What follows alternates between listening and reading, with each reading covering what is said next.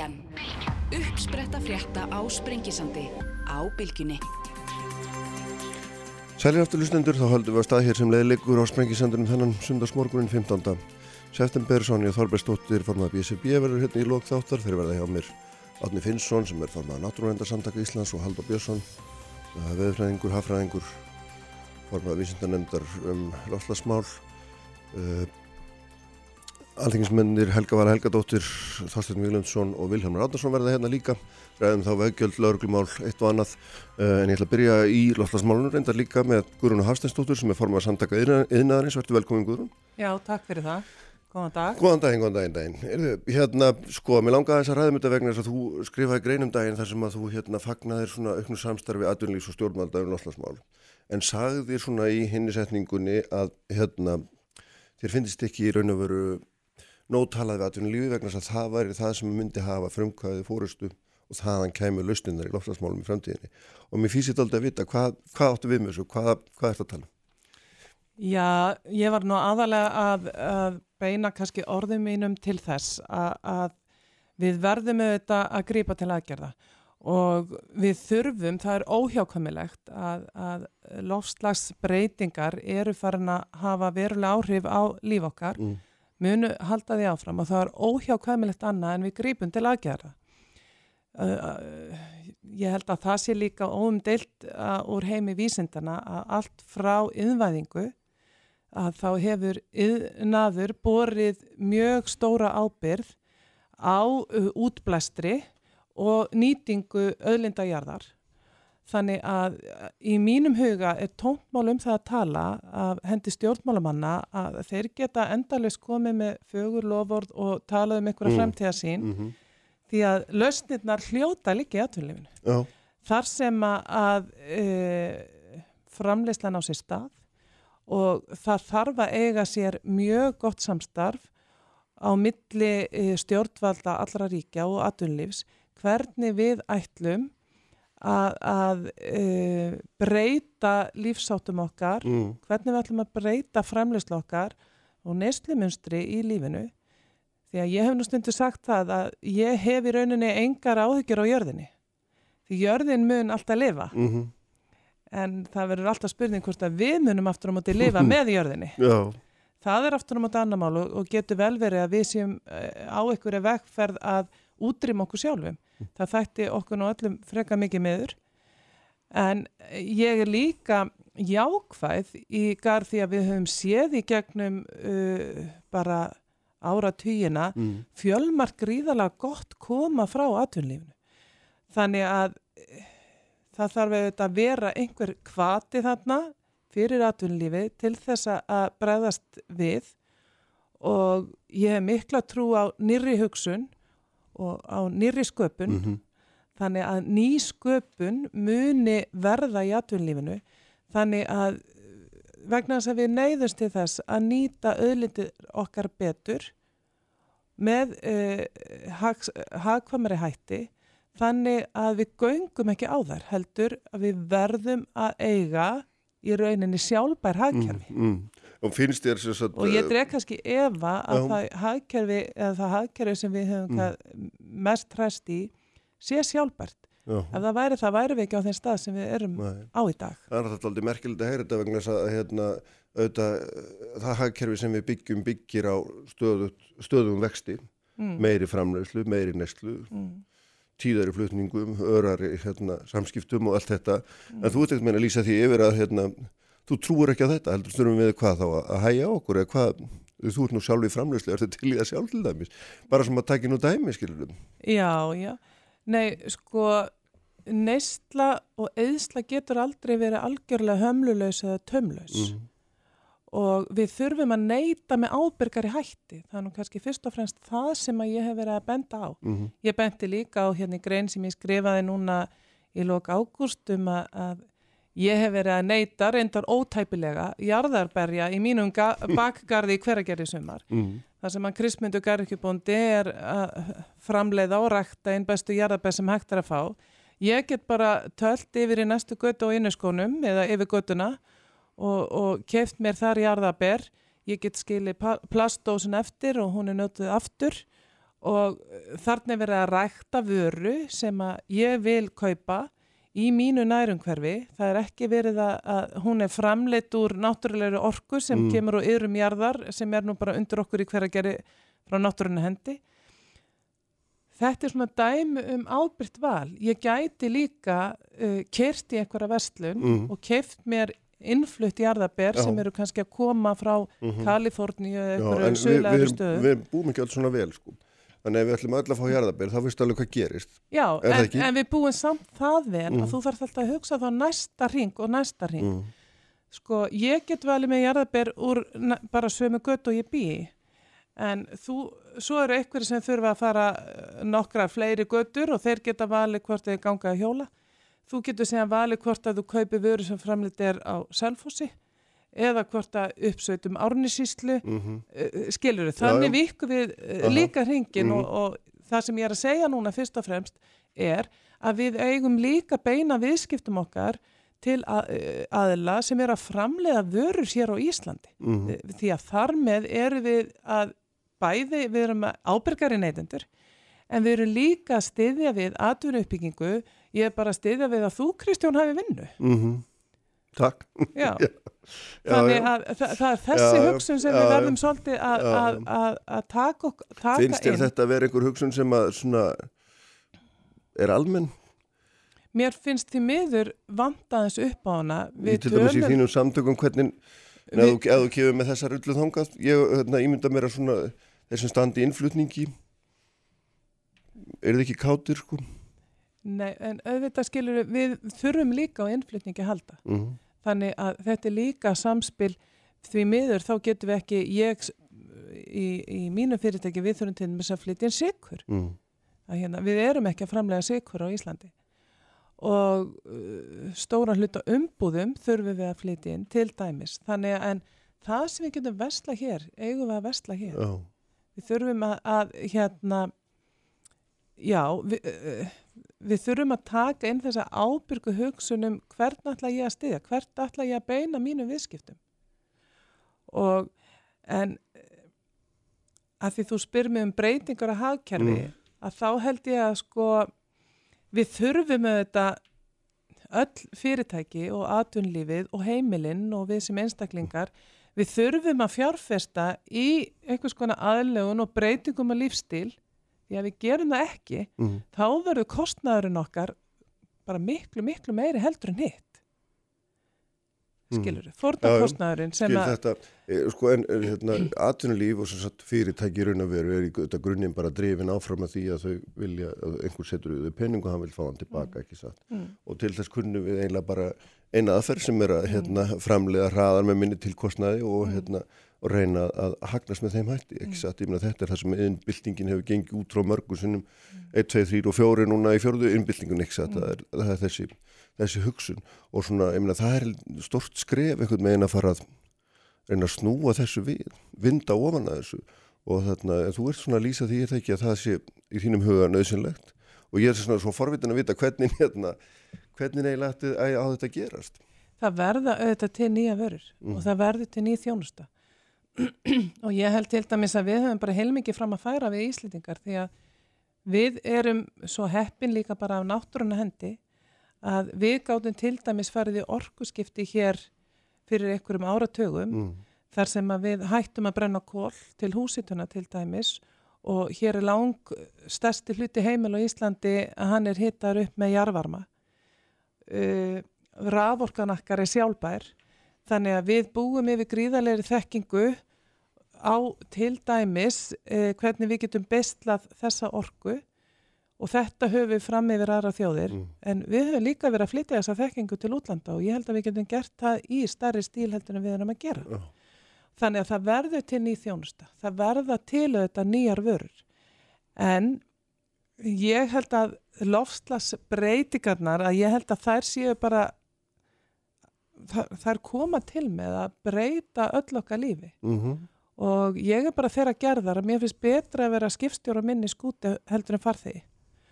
Og við eigum, og atvinnureikundur, við eigum að vera fremst í flokki að tala fyrir því að við viljum gera vel, -hmm.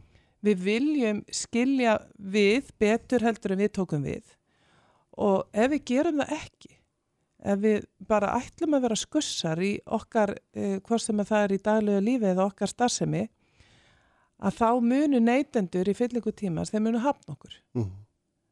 og þau fyrirtæki sem ekki ætla að taka þessa hugsunin á sitt borð og fara að starfa eftir henni þau munu held ég bara endi svo risaðlunar þau munu bara degi út og verða eftir Já. vegna þess að neytandin hann mun núna og þetta er að gerast svo rætt mm.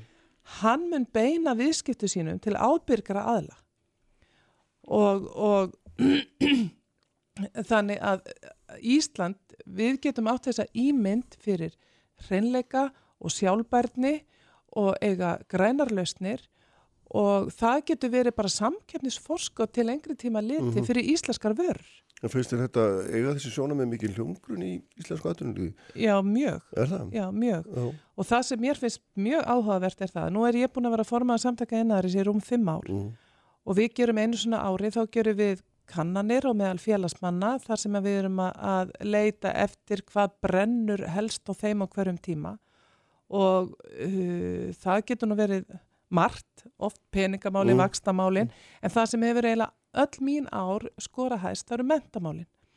Að yðnaðurinn þarf uh, uh, fleiri og fleiri yðmentaði til starfa heldur en við erum að menta og það er ágefni. Mm. En svo hefur það gerst bara núna á síðustu tveim-þreim árum að umhverfismálinn er að stíga alltaf herra og herra og nú er ég að tala um það sem að aðdórengundur segja okkur í skoðanakönnum.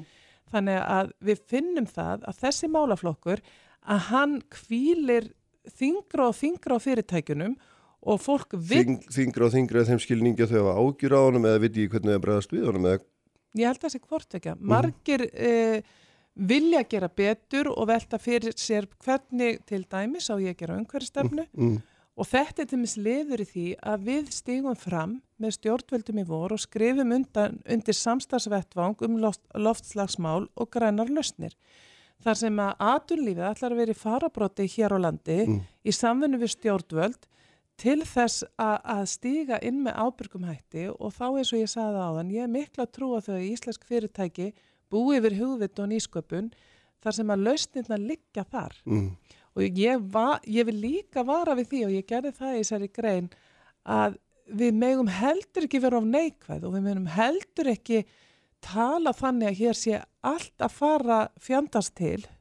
Fyrir ekki að orðbræði því að sko þá verður alltaf einhver hlut til fólks og jafnvel fyrirtækja sem mun hugsa, nei þetta er vonlaus bara þetta, mm. ég ætla bara ekki að taka þátt í henni, ég ætla bara að hafa það gott meðan ég get Já, því að ég hef, ég hef einlega trú á því að mm. við getum breytt við getum breytt hagkjörum okkar, við þurfum kannski ekki að umbylta þeim heldur getum við breytt en til góðs að við getum tekið að besta það hagkerfi sem eins og þú sagðir hér uppæfi mm. hefur virkað og skapa mjög, mikla velmögun hefur gert það á kostna öðlenda jarðar mm. og ég hef trú á því einlæglega að við getum uh, búið okkur til kerfi sem að gera það ekki mm.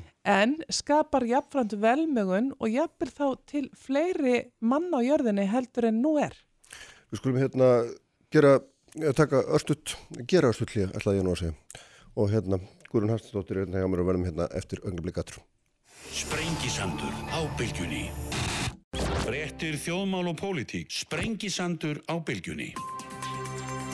Sælir eftir hlustendur, uh, höldum áfram hér sem við liggur. Sonja Þorbergsdóttir formaði BSRB verður hérna hjá mér. Lók þáttar þeir verða hérna Átni Finnsson og Haldur Björnsson, Átni formaði náttúruverðar samtakana. Haldur Björnsson auðvitað formaður vísindarnendur og lofslagsmál að ræði við lotlasmálun eins og við erum reyndar að gera núna. Uh, ég vel með þau Helgu Völu, uh, Þorstein Vilundsson og uh, Vilhelm Adnarsson hér á eftir. Við ætlum að ræða að veðgjöld og svona sitt hvað kannski annað. En Guðrún Hansnestóttir fór með samtaka yðnaðarins er hérna ennþá hjá mér. Við höfum verið að ræða svona ábyrð og hlutverk aðunum lífs í, í hérna, þessu miklu umbreytingum sem að framöndan eru sem að hérna, svona þessi hlínun jarðar hérna krefst að, að við, við, við tökumst á hendur uh, sko það sem að svona erlindi merkilegt er sko ef, ef maður skoðar sögurna gerir ráð fyrir ef að fyrirtæki standa fram með fyrir frammi fyrir því að velja á milli hagnaðar og svo aðgerðar sem að dregur úr þeim, þá myndu við sjálfsagt í flestum tilvíkum velja hagnað. Og það getur mjög vel komið upp svo staða held í þessum svona í framtíðin að þau þurfa að velja á milli hagnaðar og þess að hérna, vera ábyrg í lofslagsmálum. Og, og það er svona, ég held að svona, og því að maður hefur aðduna því að vera tortryggin að þá myndi maður trúa því að hérna, flesti myndi velja hagnaðin. Og hérna, þá er þetta lítið sparist. Ég er ekki alveg samálaður að hérna, þú getur ekki pissað í skóaðinn. Þannig að sko, þú getur ekki valið hagnað ef að það kostar því hagnað sig að morgundagsins. Mm -hmm. Að ég segi nú stundum, þegar ég hef oft tekið á móti börnum í... í Hvað myndur þú kalla fiskveðar ílendinga fram eftir hérna, allri síðustu öll til dæmis? Fiskvegar íslendingar, okkur hefur nú búið gæfa til þess að sína mikla... Bara setni árum, já. Já, já, en, en okkur hefur búið ábyrg til þess að, að stunda ábyrga fiskvegar og þær eru sjálfbarar hér á Íslandi og ég hef nú stundum sagt það að, að því að ég er líka... En það þurfti harkalegt yngripp í það, svo maður takkið þannig dæmið, skilurum. Já, en ok, en var það ekki til góðs? Jú, jú. Já, já. Þannig að við þurfum líka öruglega harkalega yngripp á mörgum sviðum til þess að bregðast við lofslagsváni núna mm, mm. og mér þykir bara mjög merkilegt að það hafi þurft til 16 ára stúlku í Svíþjóð Já. til þess að vekja heiminn með alla þessa frábæru leittóa sem við eigum í flestum ríkjum en þá þurftu við 16 ára stúlkuna Greti Mm, Thunberg mm. til þess að vekja svona þessi sterku viðbröð að nú allar bara kynnslóðan sem er að koma hún ætlar ekki að sætta sig við þetta. Mm -hmm. og hennar skilaböð eru þar að leiðandi gríðarlega sterk. En, en ég ætlaði að segja sko við megum ekki sko drepa viðskiptavinn okkar. Þannig að, að, að það eru nú allir sem stunda eh, viðskipti Mm. að, að þeir vil, vilja auðvitað eiga í heilbröðu og góðu sambandi á milli fyrirtækisins og viðskiptavinnarisins þannig að, að það eru þetta líka verður gert með ábyrgum hætti Mm. En ég held að sko að hérna, ég held að sé alveg sama hvað á, við ákveðum en að grípa til aðgerða eða Mm. gera ekki neitt alveg sama hvort við gerum að þá mun allt breytast skilur Mm, mm -hmm. alveg sama hvort við gerum ekki neitt eða hvort við grípum núna til aðgerða það þýðir breytingu á lífstíl Mm. Það þýðir breytingu á því við þurfum að hugsa upp á nýtt hvernig við erum að gera hlutina og það er, alv, það er áhugaverk Kristján að velta því fyrir sér að sko þú getur alveg fengið mig umræðin það að, að ræða það sko að allt hefur sér líftíma Mm -hmm. og öll kerfi eiga sér líka líftíma og við munum eftir því þegar að við vorum, heimurum var, uh, honum var skipt í vestur og austurblokk Já. Austurblokkin og það hugmyndakerfi sem að hún var byggð upp á að hún uh, rann sitt skeið og enda og með hörmungum og, og átökum og hið vestræna kapitalíska kerfi að það tók yfir og hefur skapað, við skulum ekkert gleyma því, hefur skapað gríðarlega velmögun og bætt lífskjör fólks út um allan heim það getur vel verið að það kerfi eins og það er nákvæmlega núna að það sé kannski að verða á setni tíma að sinni lífkurfu það þýðir ekkert að, að kannski að það sé hamdónýtt eða eitthvað en það getur bara leitt þess að það verður til annað kerfi Aha. sem er kannski bara betra. Og, og eins og ég sagði hérna fyrir í samtalinu þannig að bæði betra með tilliti til auðlindajarðar en líka bara að, að það muni auka enn meiri vel, velsæld Mm. og bæta enn freka lífskeiði enn fleiri manna en nú er Mhm. og er, er það ekki eitthvað sem við viljum öll stefna að? Jú, ég hugsa að við getum alls skrifað undir það en mér langar þá líka þess, í þessu samingi þá elda hennar frá sem hún byrjar aðeins á að þú varst að tala um að svona í, bara í, ef maður hérna, stýttir að niður í tvö orð veljum íslenskt Mm. að hérna að við erum þetta líka sko einn af grunnþátturum í velmegun heimsins eru þetta alþjóli viðskipt ekki já. sem að kosta líka hérna mikla flutninga á vöru og, og hérna framleyslu í fjarlægum löndum og, og svo framvegis og hérna og það er þetta eina kröfunum líka núna er að er að hérna er láta af þessu, endur nýta það sem maður á, skilur allt þetta og hérna, en það er alltaf einhverju hinum endanum sem framleiði vöruna, sem flytur hana og allt þetta. Mm. og þetta hlýtur að hafa einhver svona ég mynda mér að þetta hljóta að hafa einhver áhrif á þetta þessi, þessi hugsun sem þú vart að nefna. Sko, ég persónlega Mhm. er mjög hlind uh, alþjóðlega viðskiptasamningum.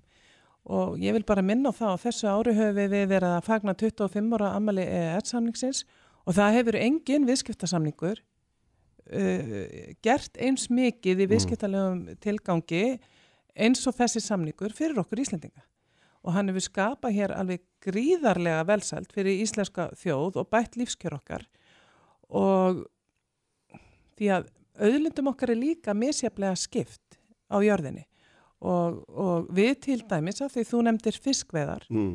uh, við höfum lifað hér á fiskveðum í gegnum aldir og uh, það er nú bara þannig og við erum fámenn þjóð og það er algjörlega útiloka að við getum borðað allan þann fisk sem við erum að veiða sjálf við höfum þar, að leiðandi tekið það ákvörun að deila þeim lífsgæðum sem þessi fiskur er með öðrum þjóðum við getum ekki rækta hér eppla og appelsínur svo vel sé Mm. en við höfum gott af því C-vitamíni sem uh, þeir ávöxtur er að gefa okkur og þar að leiðandi eru við, sko viðskiptasamningar eru bara ein leið til að uh, segja það við ætlum að hafa vöruskipti. Mm. Það sem að þú hefur fram að bjóða og ég á ekki til að við ætlum að skipta á þeim gæðum með einhverjum hætti. Við munum auðvitað halda því áfram. Og, en svo getur vel verið að það verður hér einhver nýsköpun á Íslandi og nýtækni sem Mm. að allt í einu verður þess valdandi að við getum til dæmis bara rækta hér epli í gróðurhúsum og við þekkjum það öll að við eigum að mínumati besta græmyndi heimi. Við getum vitaskuld rækta miklu meira græmyndi heldur en við erum að gera Mm. og mér þykir sorglegt til þess að vita afsaki að innflutningur á græmyndi er að auka stórkvastlega Já, þegar við ættum í rauninni Mm. að vera að auka innlenda framleyslu og, Og það dregur úr henni á móti reyndar, sko. Og auðvitað er það nýsköpun Mhm. sem var til hér á sínum tíma hvernig við gotum beistlað þessa orku þennan hýta sem við eigum til þess að rækta hér suður hennar já, eða, já, tómata, gúrkur, papriku og Mm. En annað. þetta er bara vegna þess að vendarlega bara En þetta er verði, verði, sem, verði ræður þessari þróun vendarlega. Þetta er ódýrar innflutt heldur en það er Já, en íslenski neytendur hafa líka sínt það að þeir eru tilbúin til að borga meira fyrir íslenska vöru. Greinilega ekki þeir mæli sem þarf ef, ef fram, innlend framleyslu að minka. En þá komum við aftur að því að við verðum að breyta lífsáttum okkar. Já. Við verðum til dæmis að vera kannski reyðbúin til þess að borga örliti meira Mm. fyrir íslenska tómat heldur en eitthvað sem er að koma frá Suður Spáni eða eitthvað annarstaðar. Mm. Þetta er líka eins og ég segi, við þurfum að breyta hugsun okkar og segja ég ætla að velja íslenska tómat, ég ætla að velja hérna tómat bara uppsveitum ánusíslóðun og flóðum, frekar en frá Spáni. Mm. Í öllu því til, eh, hérna, tilfelli er það betri kostur út frá umhverfslegu sjónamið að velja vöru sem kemur hér, sem er framleitt hér á Íslandi heldur en kemur um langan veg. Mér hefur þótt að átakalegt að hér séu veitekastæður og vestlanir að selja kjöt frá Nýjasjálandi, lambakjöt, í landi söðkindarinnar. Mm. Nú eru réttir út um allar trissur, akkurat þessa helgi og síðustu, það voru túnaréttir í gær sem ég því miður mist af, að, að sko við eigum, það er held ég, við eigum frábært lambakjött og ég ætla ekkert að dragi ef að gæði lambakjött frá Nýjasjálandi. Mér persónlega finnst bara eitthvað ránt við það Mm. að við séum að flytja inn kjött frá einu fjarlægasta landi sem við getum mögulega fundið. Mm. Mér finnst bara eitthvað rátt við það. Já. Í staði fyrir að við veljum bara kjött sem er hér í túnfætinu. Já, þá myndi maður bara segja, maður myndi draga þá álutinu því að, að hérna, atvinnulífi í grunninn eða þá þessir aðalara minnstakosti sá hluti mm. atvinnulífi sem við erum að ræða núna er bara allt annari línu en þú.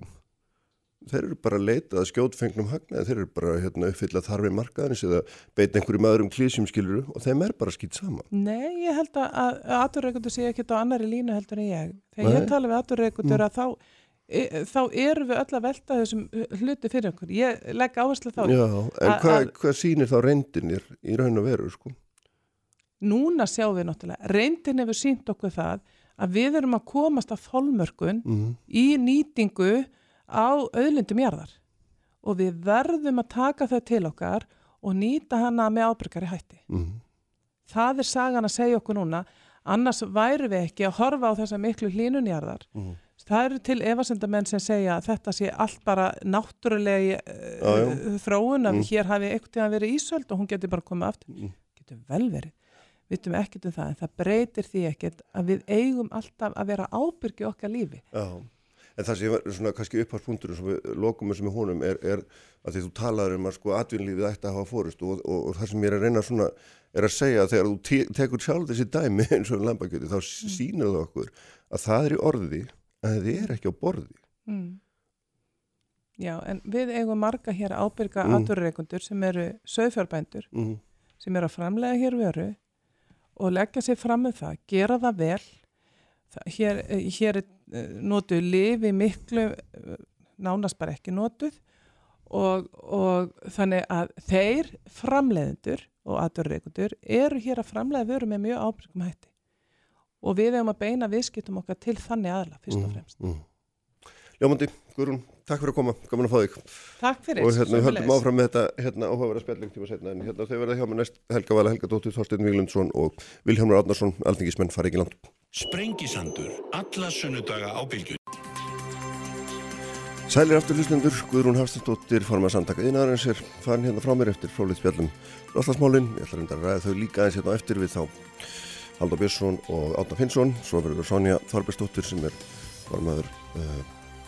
BSB hérna hjá mér, uh, en núna Þorstin Vílundsson, uh, Vilhelm Ráttarsson og Helga Vala Helgadóttir, alþingis menn, konur, uh, sest hjá mér, velkomin öll.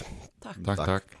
Uh, við ætlum kannski að ræða engum og sérlega tvent svona allavega svona yfirlistu tilgangur og sjáum við hvert, hvert líf og tilverðan ber okkur en hérna það er alveg stórmerkild viðtal við, við ríkislauglustjóra í morgunblæðinu núna í, í gær sem þar sem að hann hérna þar sem hann lætu vað á súðum og, og, og uh, lýsir því yfir að lýsir því yfir að það sé íllafari með fyrir, það sé allt og margir yfirmenn, uh, það sé spilling. Hann hafi barist gegn spillingum en ekki árið mikið ágænt og það sé eitthvað valdatapl, eitthvað makk baku tjöldin þar sem við sé verið að bólunum út. Og þetta er alltaf stórmerkilegt í þessari einu mikilvægast mikilvægast innviða stofnun hérna okkar íslinga, hvað segir þú Helga Vala? Þú hefur nú haft hérna mikið áhuga á lörglumálum, pervertískan áhuga á lörglumálum gegnum tína já, já, hvernig kom þetta þér já ég veit það, hvernig kom þetta þér fyrir sjónir? Sko, það er auðvitað mjög óheflegt að, að yfirmaður lauruglumála á Íslandi sé komin í stríð við eiginlega held ég bara öll lauruglu embætti á Íslandi uh, landsamband uh, lauruglumanna sérsveitina Já, og, og fleiri. Það er auðvitað, þessi stað er auðvitað bara ekki góð og hérna ég er ekki vissum að þetta stóra og mikla viðtal sem hann fór í mm. í morgunblæðinu hafi verið uh, svona gott eða, eða vænlegt til árangurs þegar kemur að, að bara já, að, að reyna einhvern veginn að slöka einhverja elda þarna því mm. það er mm. greinilega þarna Hann, hann fór svo mikinn einhvern veginn Já. og hérna hann, hann er að væna fólk um spillingu, hann er að tala um að það sé óhæft fólk í hverju hodni, það sé ekki alltaf losna við ónýtt, ónýtta starfsmenn Uh, og svo framvegs og svo framvegs sko. og þetta þegar sko, ríkis lauruglustjóri er að tala um að þessi spillingin af lauruglunar það er auðvitað bara grav alvarlegt mál já. og það er, mér finnst í rauninni skrítið að hann skulle koma upp með það á þennan hátt en það er sko ríkis endurskoðun uh, tekur ákverðun að fara í stjórnsýslu úttækt og það ríkis endurskoðun gerir það ekkert bara svona gamni sínu sko, það er einhver ástæða fyrir því Já. Þannig að ég, ég, það verður fróðlegt að sjá hvað kemur út úr því. Hvað segir þú Vilhelmur, hvernig slóði þetta þig? Já, þetta sló mér nú ekki vel að, að sjá þarna aðsta, já, þetta var þannig að þetta var aðsta embætismæður laurugluna og mættur þarna í svolítið neðinu vörð, sko. Mm. Það var að verja sig, staðan fyrir að verja laurugluna sem hann ber ábyrð á.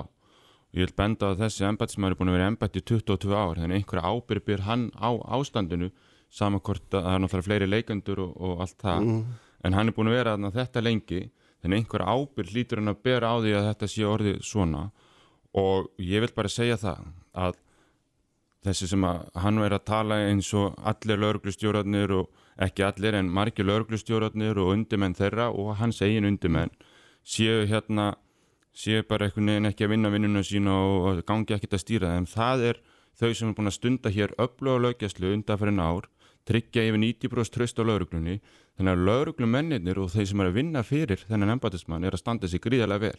En það sem er að spretta upp núna er innra skipla á lauruglunar. Mm. Er all skipulega af búnaði og löggjastlumálum, starfsmálumálum og annað slíkt. Það er það sem er að springa út. Og hvernig ætlar eðist embættismæðurinn útskýra það að það hafi fæðist menningar afkimi innan hans embættis. Hann skuli segja þetta talar um sérsveitina sem einhvern menningar menningar afkimi. Og þetta á ég bara mjög erfitt með að- skilja. Og hvernig hann heldur einhver annar getur borið ábyrð á þessu heldur en aðsti maðurinn. Og þá langar mér að varpa fram þeirri spurningu og ég held að séu mikilvægt að breyta. Að hvernig getur sama hver það er setið í 22 ár í þessu valdamikla embætti? Það finnst mér alveg óútskýranlegt sko. það hefur engin annar gengt þessu. Hann er Nei, búin þetta að er því að náttúrulega- hann er svo og- einu sem er búin að gegna þessu embætti. Við erum hér með sæðlabankstjóra, þjóðleikustjóra og fleiri sem hefur bara verið tvö tímabil. En þessi valdamikli embættismann má vera í 22 ár. Þannig að þegar að nýji dómsmálaráður ringir í þig og spyrir hann hvað hann er að gera þá er það nú alveg ljóst að þú mynd óskættir hann gerir starfslaka samning við ríkislagustjóra. Já, sko, það þarf bara að, að hérna, þetta snýst ekki um, um einhverja persónu sem er embættin, það snýst um það að löggjæslinu landinu virki og skipulaði þær gangi upp. Það er búið, tölur búið að auka fjárframlegin til lögregluna og við erum búin að gera tölur lagabreitingar og breytingar á mentuninni og, og skipulaðsbreytingar og annað slíkt. Þannig að þessar miklu breytingar allan á lögreglunni að þær verða að fara að fá að, að blómstra og þess vegna þurfum við að koma svona bara strax frið á lögregluna sko. Og það, það er það sem skiptir máli. Þetta snýst ekki um personuna og, og þess vegna ef að, ef að, ef að hérna ef þetta er orðið svona að þá sé ég ekki hvernig sá sem að talar svona til undirmanna sinna og samstarfsmanna innan lauruglunar ég ætla að benda á það að lauruglustjóðin eru sjálfstæður og reka hvert, sitt, hvert og sitt embætti sjálfur að, að þá er það ekki lausnin að fara í frekari skiplaðsbreytingar því það hafur mikla skiplaðsbreytingu lauruglunni og lauruglustjórnar hafi staðið sér vel að fylgja þeim eftir og það er gengið vel að byggja upp lögjastlæmbættin og, og hérna þannig að við skulum ekki fara að fara og kenna kerfinum sko. Þorstein, Já, ég, ég verður nú að viðkjöna að hérna það er erfitt að setja sér inn í þegar að eða taka afstöð til þegar mann er að deila hérna, með þessum hætti í fjölmunum mm. formaður hérna, félagslegarlumanna og, og, og ríkislauglustjóri með þessum hætti en þetta er þetta engin leið til þess að, að, að leysa úr ágreiningi sem augljóslega er þarna til staðar og, þetta mjög förðulegt af ríkislauglustjóra að, að fara fram með þessum hætti í fjölmjölum og, og ja, benninni skrafa undan hérna, embættinu og, Mm. og, og lauruglunni almennt og, þetta, bentir ég hrjá hérna, kannski ekki að, að ræða mikið eigin ábyrð þá í, í, í, í þeim öfnum en ég veldi þá líka fyrir mér það er auðvitað að hér er að koma upp á yfirborðið eitthvað sem er búið að kræma mjög lengi undir niðri og, og þá auðvitað horfum maður auðvitað líka til ábyrðar sko ráðunýttisins Mhm. að, að, að þarna er auglust að þarna hefur verið vandi, mikill vandi sem hefur ekki verið tekið á og ég held nú að, að áður en að farið er að, ræða uh, hérna, starfslokasamningum um, um einstakka embættismenn að þá ætti nú ráðunitið auðvitað að setja sig inn í málið og, já, reyna að greina hvað er þarna raunverulega á ferðinni og, og hvað, hvaða breytingar þarf að gera. Það er auðvitað ekkert nýtt í stjórnun að þegar verið er að breyta hlutum að þá er oft mikil hérna, breytingatræða eða olga sem getur skapast í kringu það. Mhm. Eh, Það þýðir ekki að menni að hætta að, breyta og þróa embættin áfram. Þannig að auðvitað nöðsjölegt að þessi alltaf verið að horfa til þess hvernig við uh, nýtum fjármagnir sem til löggjasturinn að fyrir með þessum bestum hætti. En auglust að þarna er ykkur uh, verulegur stjórnunar uh, vandi á, á ferðinni og, og ég treysti því að nýjum dóksmálar á þeirra myndi, myndi bara setja sig inn í það og taka á, á þeim vanda. Mhm. og Já, ég, ég, ég- verða að bregðast hans við þessu að, e, e, þessum punkti sem að Þorstein kom inn á einmitt með ráðunetið að því það er nú mjög mikla líkur á að ráðunetið hafi verið upplýst um þetta, þessa stöðu og, og þe- þessa miklu spennu sem er þarna milli ríkislauglustjóra og, og, lauglustjóra stjórana og lauglunar ég, meina, það, það, ég held að það blasir við og þá blasir líka við hvað það er óheppilegt hvað við höfum haft marga dómsmálur á þeirra frá því að sjálfstæðarsflokkurinn tók við þessu 2013. Ég meina þetta eru hvað sex, sex einstaklingar sem hafa verið að koma þarna við sögu sko. Mhm. Uh, annarkvort með öðrum uh, hérna, embættum sínum eða, eða bara sem þeirra. Þetta er auðvitað algjört uh, klúður. Það, það er það, af því að þá verður þetta los að, og, og, og einhvern veginn yfir sín uh, hverfur sko. En ég vil að benda líka á því að, að þetta virðist hafa verið að koma upp í vor þá, þá hérna, virðist þessi bref sem að voru stuðningsbryttið Haraldar sem var byrt hérna í fjölmjölum á dögunum og, og, svo, og þar var vitnaði bref frá hérna, öðrum starfsmönnum eins og sérsveitamönnum og, og fleirum sko og, og þá vil ég benda það hvað hefur einmitt hérna, fráfærandi dómsmálaráður að Þórtís Kolbún verið að gera hún er það er búið að vera í gangi vinna sem að leiði það af að það er búið að taka ákvörðum að loka bílamiðstöðinni mm. og að það er búið að taka ákvörðum að setja hildar stjórnsýslu útdökt á ennbætti sko. Þannig að, að ég tel að, að, að dómsmálar áður nei það var að tilu ráðanitisins og þannig að... Það var ekki að beðni ríkislauglustjóra sjálf sem ég minnið þannig að... Nei, hann tók svo undir það. -huh. og, og þannig að, að, að ég tel að Þorti Skolbúna hafi tekið sem dómsmálar á að vera mjög föstum tökum frá byrjun á þessu máli greinlega með þessa tímalínu. En það er alltaf mjög merkilegt líka í, hérna, í þessu viðtali sko það ríkislauglustjóra er búin að setja í 22 ár og, -huh. og ekki þekki ég hann og ætla ekki að væna hann um eitt eða neitt hérna á aðtöðu máli en en hann er raunin að lýsa yfir, því yfir að lögurglann nýti peninga sína mjög illa mm -hmm. allt og mikið hluti fjármenn að fara í að borga einhverjum svo kvöllum silkihúfum sem endur orðalega frá blamanni morgunarsin sem hann, hérna, hann fælst á en allt og lítið þá fari í almenna lögjastlu og ég meina þú er búin að sitja inn í 22 ára og, og hlýtur að gera ráðnættinu grein fyrir svo einasta ári þegar það er farið í ef það myndið ekki virka þannig þú fær að segja að það er alltaf mikið yfirbyggingu, ég þarf meiri pening hinga og þanga og það er einhvern veginn bara En ég hef heyrt líka uh, lauruglu uh, menn og, og, og svo sem lauruglu stjóra vera í að því að, að ríkis lauruglu stjóri taki allt of mikið fér til sín. Já, svo maður heyrt það en gegnum tíðina. Maður hefur heyrt það, þá, að, það er gagnir sattir líka. Ég veit að við þurfum að hafa algjörlega huga einmitt þegar hann er að, mér finnst þetta að vera hálgjör afvegalegginga á umræðinni út af því að það er alveg rétt, það var allt of mikil yfirbygging í lauruglunni og þess vegna gerðum við hér breytingar sem var samtíktur á þinginu 2014 og komið til Frankanda 2015 þegar við fækkum við lögjastlæmbættunum þannig ég held að það hefur sjaldan verið færri yfirmenni lauruglun heldur en akkurat núna mm. og embættin hafa verið að styrkjast og við höfum verið að gera þessa leið þannig að það er alveg rétt þetta var svona en þú þróun hefur einmitt verið niðuröfið í yfirmennum í lauruglu og þannig að að, að þetta er svolítið eftiráskýring finnst mér með að hvað hefur verið í gangi. Við erum með núna nýju hérna, og sumum finnst eiga í ganga langra og, og, og það getur vel verið. En það tókst þarna mikilvæg breyting og þetta er eina að fá um svona saminingum og uppbygging hjá ríkinu sem mér finnst að hafi tekist. Og, og mér finnst að við hefum að, að gefa því svolítið séns og benda á það sem ég sagði hérna á hvernig er lauruglan uppbyggð það eru laurugla embætti þar sem lauruglistjónum ber ábyrð á laugjastlanu hverjum stað og er fær, hérna, fær útluta fjármenni mm. beinti sín en far ekki gegnum ríkislauruglistjóra og svo er ríkislauruglistjóra embætti með stóðþjónustur eins og sérsveit alþjóðdeild og, og tölvudeild og fleira og, og fær vissa fjárveitinga til þess og svo eru svona saminlega verkefni umferða eftirlit og, og búnaðamál og annað slíkt sem að bílamálin, tölvumálin það er sem að og þannig hafa hérna, fjármunum verið að fara frá ennbættunum inn í ríkislauglistjóra ennbættið þannig að, að kaupa þjónustu af honum ja, þjónustu af honum. Og svo gerðist það hér og þannig byrjar þessi tregða með þessar, þessi núingur helst með bílamistuðina að þegar eftir eftir hérna, fjármálarhunnið og, og öll ennbætti þurfti að fara að draga saman og þá dróðu náttúrulega axturinn það var fljótlegasta leiðin til að draga kostnaði og þá hækkaði kílometragjaldi hjá ríkislauglistjóru bara mótið þannig að hagraðingin kvarf strax. Og þetta hefur gerst í tölvumálum og fleira sko.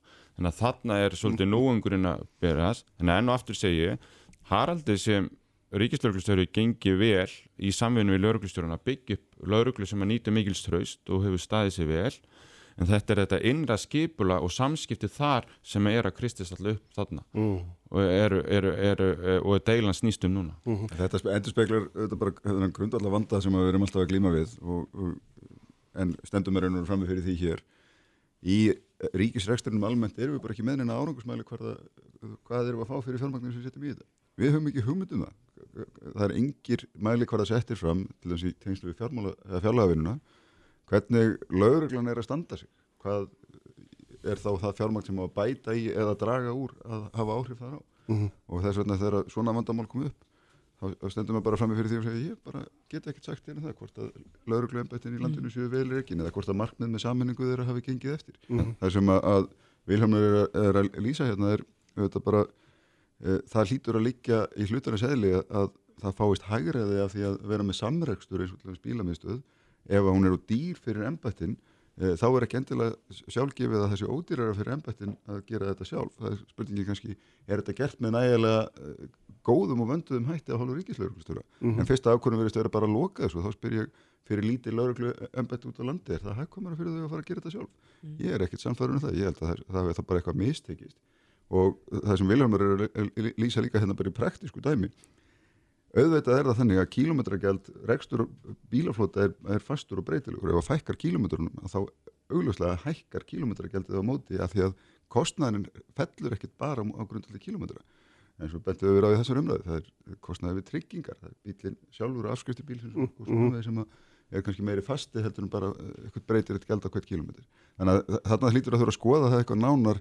hvað hefur þá misfarist í þessari samvegulegu stóðþjónustu og, og kannski byrja að reyna að laga í stæðin fyrir að taka bara ákvörðunum á lo- lokinu. En þessar tölur sem við heyrðum núna í vikunni eða síðustu viku uh, um það þegar þú borgar í rauninni allt verðmætið á einu ári fyrir að leia þá, þá er augljóslega eitthvað eitthvað að. pínu bjagað sko. Mhm. Já, já, og ég hef sagt að þessu umræðu að, að varandi bílamöstuðina þá er það þá kannski þannig að þegar að, þetta er heima hjá, hjá embættunum þá er kannski aðeins kostnæðar vitundin varandi reksturinn og, og utanumhald og það það verður bara eins og sér. Það er mísand eftir embættum, mísand eftir lörglumenn hvernig gengjum í bílana og hvað reksturkostnæðar eru að dýrur og annað slíkt sko. en annað sem að hefur komið ljós núna að bílaleigurnar eru bara miklu betri í að flótastýra og eru miklu betri í að endun í að bíla og annað slíkt. Þær hafa reynslun að því þannig að ég er ekki að segja öll lögurlögutæki geti orðið bílalögubílar en hluti af þeim. Þannig að það er hægt að fara einhverja blandaða leiðir í þessu. En það sem ég vildi líka benda og teka undir með þér þósteinn varandi hérna, mælingarnar og hvert fjármunnin er að fara það, það er nefnilega ekki gaman fyrir okkur stjórnmálumennina eða er bara auka mikið í fjármagnum að sér ekki árangurinn. Og þess vegna vil ég benda enn og aftur á, á, á mikil afköst fyrirvandi dómsmálar og Þórtíðskólabrunnar í ráðuniti, hún kláraði að leggja fram lögjöfslega áallin, þar sem voru setti fram þessi mælikar, hvert stefnum við með lögregluna og hvernig ætlum við að mæla við síðan að komast ánga og, og það er einmitt, og kemur þar fram að fjárveitinga til lögreglu verða byggðar akkurat á þessari lögjöfslega áall en hún er búin að vera í vinslu í, í nokkur ár og margir komið að henni og nú er hún komið fram. Þannig að þá getum við séð í raun og veru hvort að hérna, eins og er spurning hvernig mæli maður ár- árangur í, í löggæslum. Já. Já, ég meina stundum sem er að, ég veit mælikar að ekki, verða er að fá að þróast sko. Já, og, já, og þeir eru misjöfnir eftir, eftir, eftir hérna árangri og, og fjöldi klárar að mála þá er best að henda þeim erfæri frá og klára þau léttari. Það geti verið þitt. Já, já, og það þarf að vera það er alls hægt að skýrs fara alls mæli konar- hvað fara margir, mörg mál fyrir dóm Mm. og, víst, og, og, og sum málin hérna, herði, að það getur verið betra en á fleiri fíknumnamálum það er betra að, að, getur verið, víst, að við séum að ná betri árangur ef við fáum fleiri eins og í Mm. kynferðisbrotunum að því þá er kannski tröstið aukast á lauruglunni ef það er betri hérna, meiri málstræð og annað að fólk treysti frekar að tilkynna þetta og annað slíkt sko. Og þannig að, að mælikvarðan er margir og, og líka er annað, það er bara öryggi stíð hvað er langt handa lauruglubíl kemur í neðrútkalli og hver er öryggistilfinning borgarana, hver er öryggistilfinning lauruglumanna þannig að mælikvarðan eru margir hvernig er Já. hann á árangri En, Eitt en þú, bara- já. það er bara rétt Já. svona því að Vilhelmur hefur talað mikið um hvað hefur verið staðið vel að Já. eh, öllu er varða lögluna þá held ég að, að íbúa landsins getur nú kannski ekki alveg tekið undir allt sem hann segir af því að það eru stór svæði þar sem að er bara engin lögregla á, á, á sjáanleg sko, og víða um land þar sem það tekur langan, langan, langan tíma fyrir lögregla að bregðast við ef, ef það verður útkall. Og, og Þannig að það tala um hvað bara er norðaustur og austur hér, er það ekki Nei, já, eða já, bara, bara hérna í borgarfyrði og, og, og, víða sko, það sem að, sem að hafa komið upp eða bara á höfuborgarsvæðinu það sem er bara, það er algjör undir mönnun það eru, það eru færri lauruglumenn á Íslandi í dag en voru hérna í kringum hrun og þetta eru þetta alveg fáranlegt þegar við erum með sko hvað, hvað tvær miljónir ferðamanna og, og okkur hefur líka fjölgað mjög mikið að þá erum við með færri lauruglumenn Mm. starfandi. Og það, þetta er bara þetta er staðan. Þannig að það er nú kannski ekki alveg rétt hjá Vilhjálmi að, að þetta sé allt í lukkunar velstandi. Nei, við þurfum að fara að gera östuðli en hérna bara rétt einspurning á okkur öll en áður við hættum þessar Meina, er, getur dómsmálar að hann gert eitthvað annað en að hérna, óska eftir í ríkislegarsstjóra að hann, hann taki hatt sinn á stafi, Meina, er ekki bara staðan svo er hérna Dómsmálur þarf að þarf að meta það hvort, hvort vegur þingra uh, löggæslan eða Haraldur. Já, þau þurfa bara, þau eiga samtali næstu viku ef, ég- ef ég tók rétt Mm, eftir Og, og, og það er náttúrulega bara best að vinna allt svona máli í samvinnu og ég vona að, að, að þau þetta mæta fólk geti sett saman og fundi bara niðurstuð sem er best fyrir lörgluna. Þorsteinn Ég vísum loka orðið þessar umræðu Ég ætla ekki að, að kveða upp úr um það, ég einfallega uh, þetta er auglust mál þar sem dómsmálar á þeirra verður að setja sér aftur öruglega inn í og, og, og taka ákvörðinu sína grundallega á því hver, hinn, hvað, segi, hvað er hérna raunverulega á ferðinni. Uh, en það er alveg auglust að við óbreytt ástandur er ekkit uh, unað og það þarf að taka á þessum vanda sem að þarna er að því að hér er talað um að þetta sé mál sem hafi komið upp í vor, það er náttúrulega alveg auglust að þetta er búið að vera að krauma hér í, í þessum potti árum saman, mm. það er bara að vera að sjóða upp núna og, og, og á því þarf að taka Þetta kemur nú formulegum hætti inn í. Já, það er já, það er að akkurat, já, já, nákvæmlega. Heyrðu, gerum östu hlýja og hérna höldum áfram Helga Vala og, og Vilhelm Ráðnarsson sem ég er alltaf við það að fara að kalla Vilhelm Eilsson en hérna enda frendiðinn en hérna og Þorsteinn Vilundsson. Uppspretta frétta á Sprengisandi. Á bylgjunni. Fréttir þjóðmál og pólitík. Sprengisandur á bylgjunni.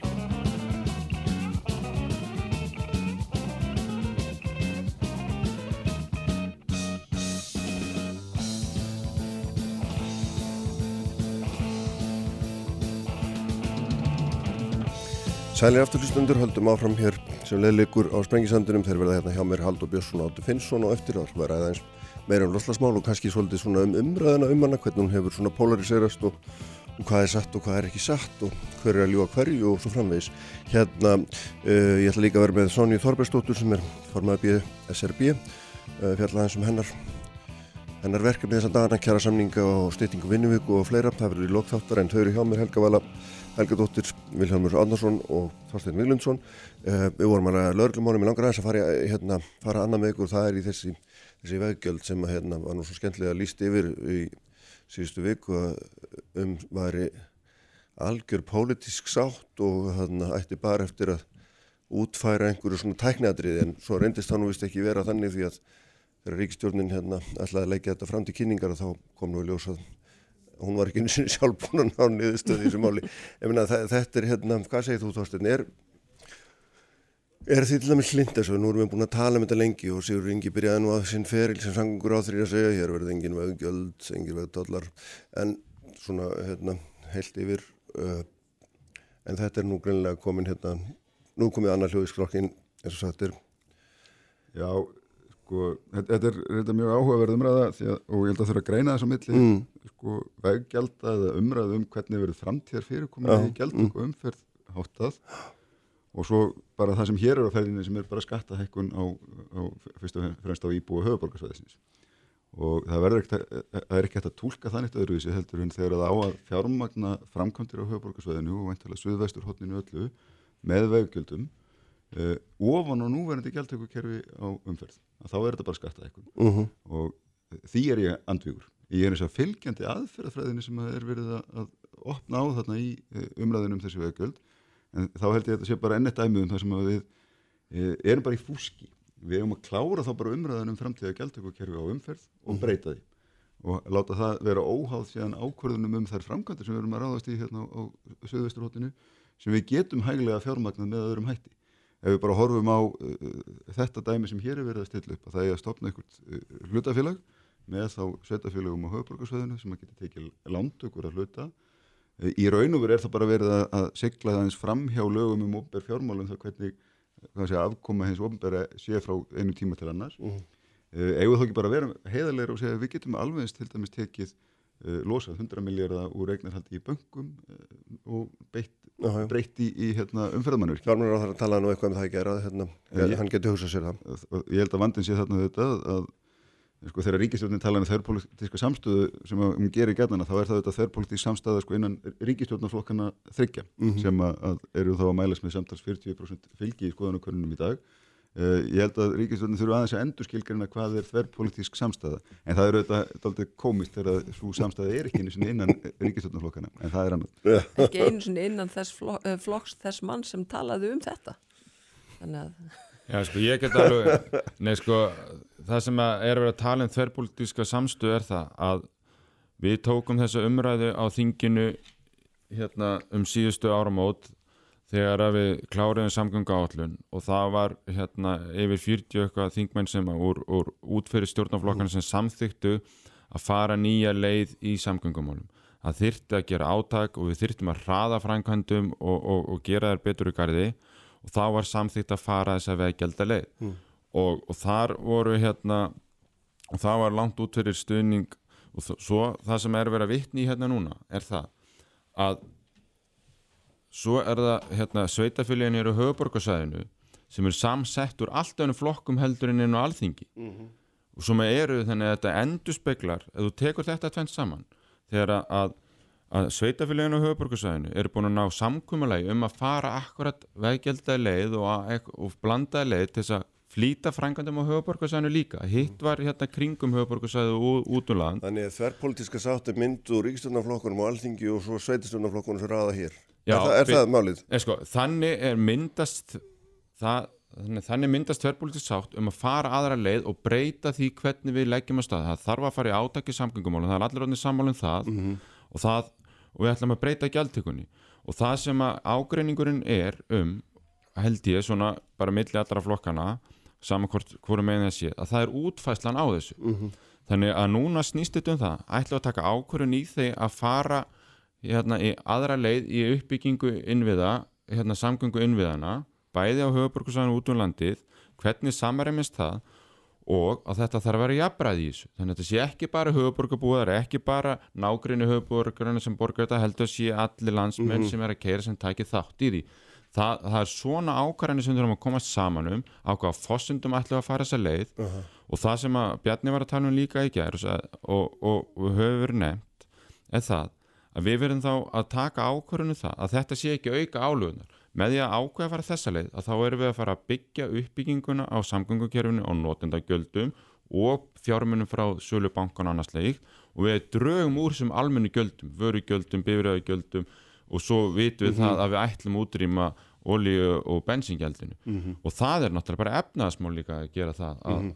Helga Vala, hvernig hugnast er þessi, þessi hugmynd og þetta, þessi útfærsla og Já, sko ég held að það sé þverrpolítisk eh, samstæðu um það að það þurfi að fara í umfangsmiklar framkvæmdir á höfuborgsvæðinu. Mm -hmm. Af því að höfuborgsvæði hefur einhvern veginn algjörlega verið skilið eftir þegar kemur að, að uppbyggingu og endur nýjum samgöngu mannvirkja. Það er bara þannig. Og, og, hérna, og ég held að það sé allir sammála um það. Uh, við sjáum það bara hverju mm. mennst að degi hvernig umferðin er hérna. Uh, og, og um þetta eru öll sveitafélaginu á höfuborgsvæðinu sammála að það þarf að fara í framkvæmdir. Við í samfélkingun hins vegar erum ekki uh, sammálað því uh, þeirri stefnu já, hægri flokka að við erum alltaf að, að, að skella fleiri og fleiri gjöldum á einstaklinga, óháð efnahag. Mm -hmm. Af því að það bytnar alltaf har, harðast á þeim sem að hafa legstu launin. Og þetta er bara, þetta er bara mjög einfalt reiknistæmi. Við erum miklu frekar á því og við lögðum það til í breytingatilvonum í vor þegar við vorum að vinna samgönguáallun að við myndum uh, afla uh, tekna á annan hátt til þess að borga fyrir þær framkvæmdi sem við erum að fara í. Mm -hmm.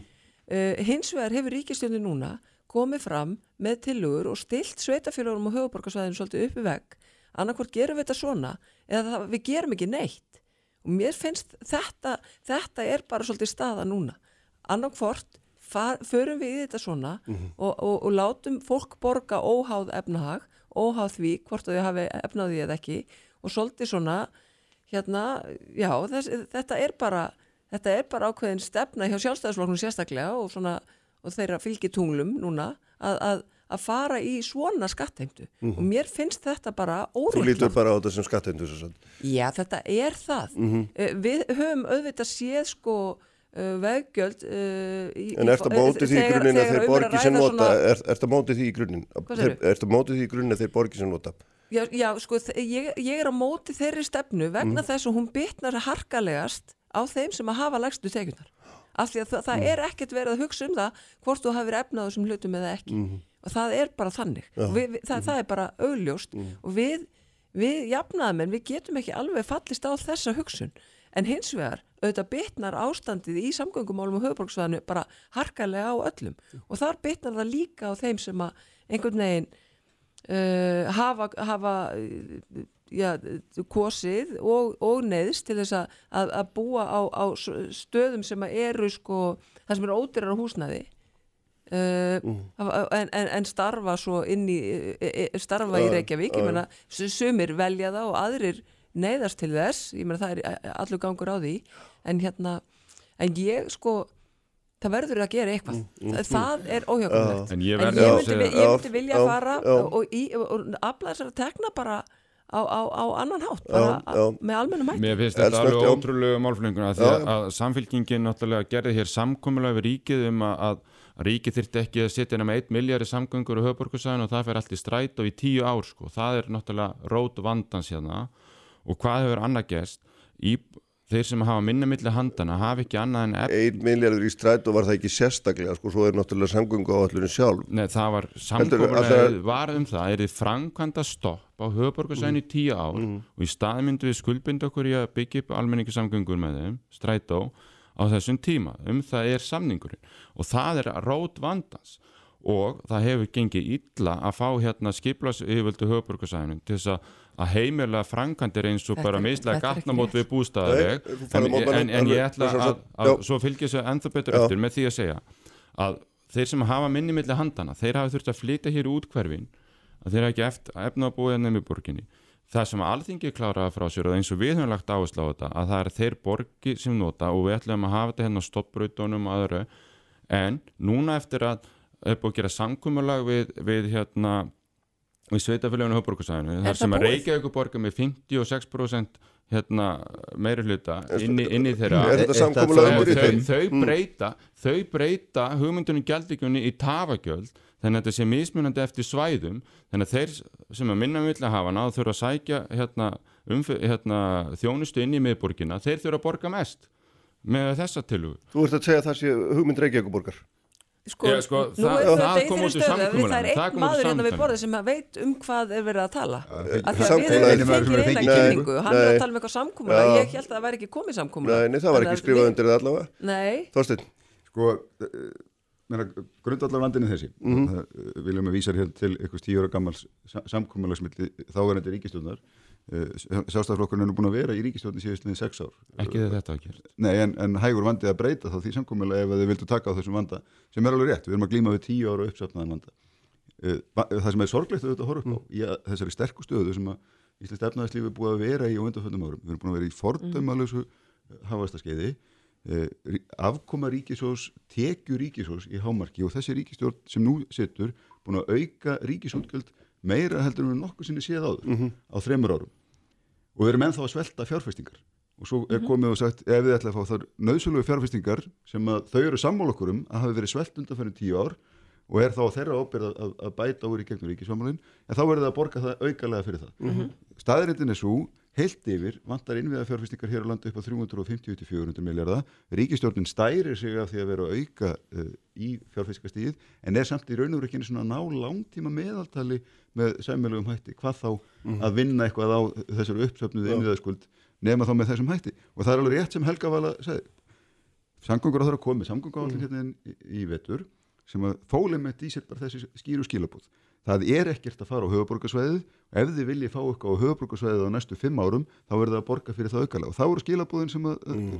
sveitafjölum hér á höfuborgarsvæðinu fengu. Ef þið ætlaði að ráðast í uppbyggingu, nöðsynlega uppbyggingu eins og borgarlínu með þáttökur ríkisins þá verður það að samþykja það að það verður fjármagnar með veggjöldum. Og það, það- eru skilabúð þessari ríkistjórnar til höfuborgarsvæðins þið verður að setja ykkur við skattahækkun ef þið ætlaði að fá eitthvað. Herðum, ég held hérna því miður að við verðum að hætta.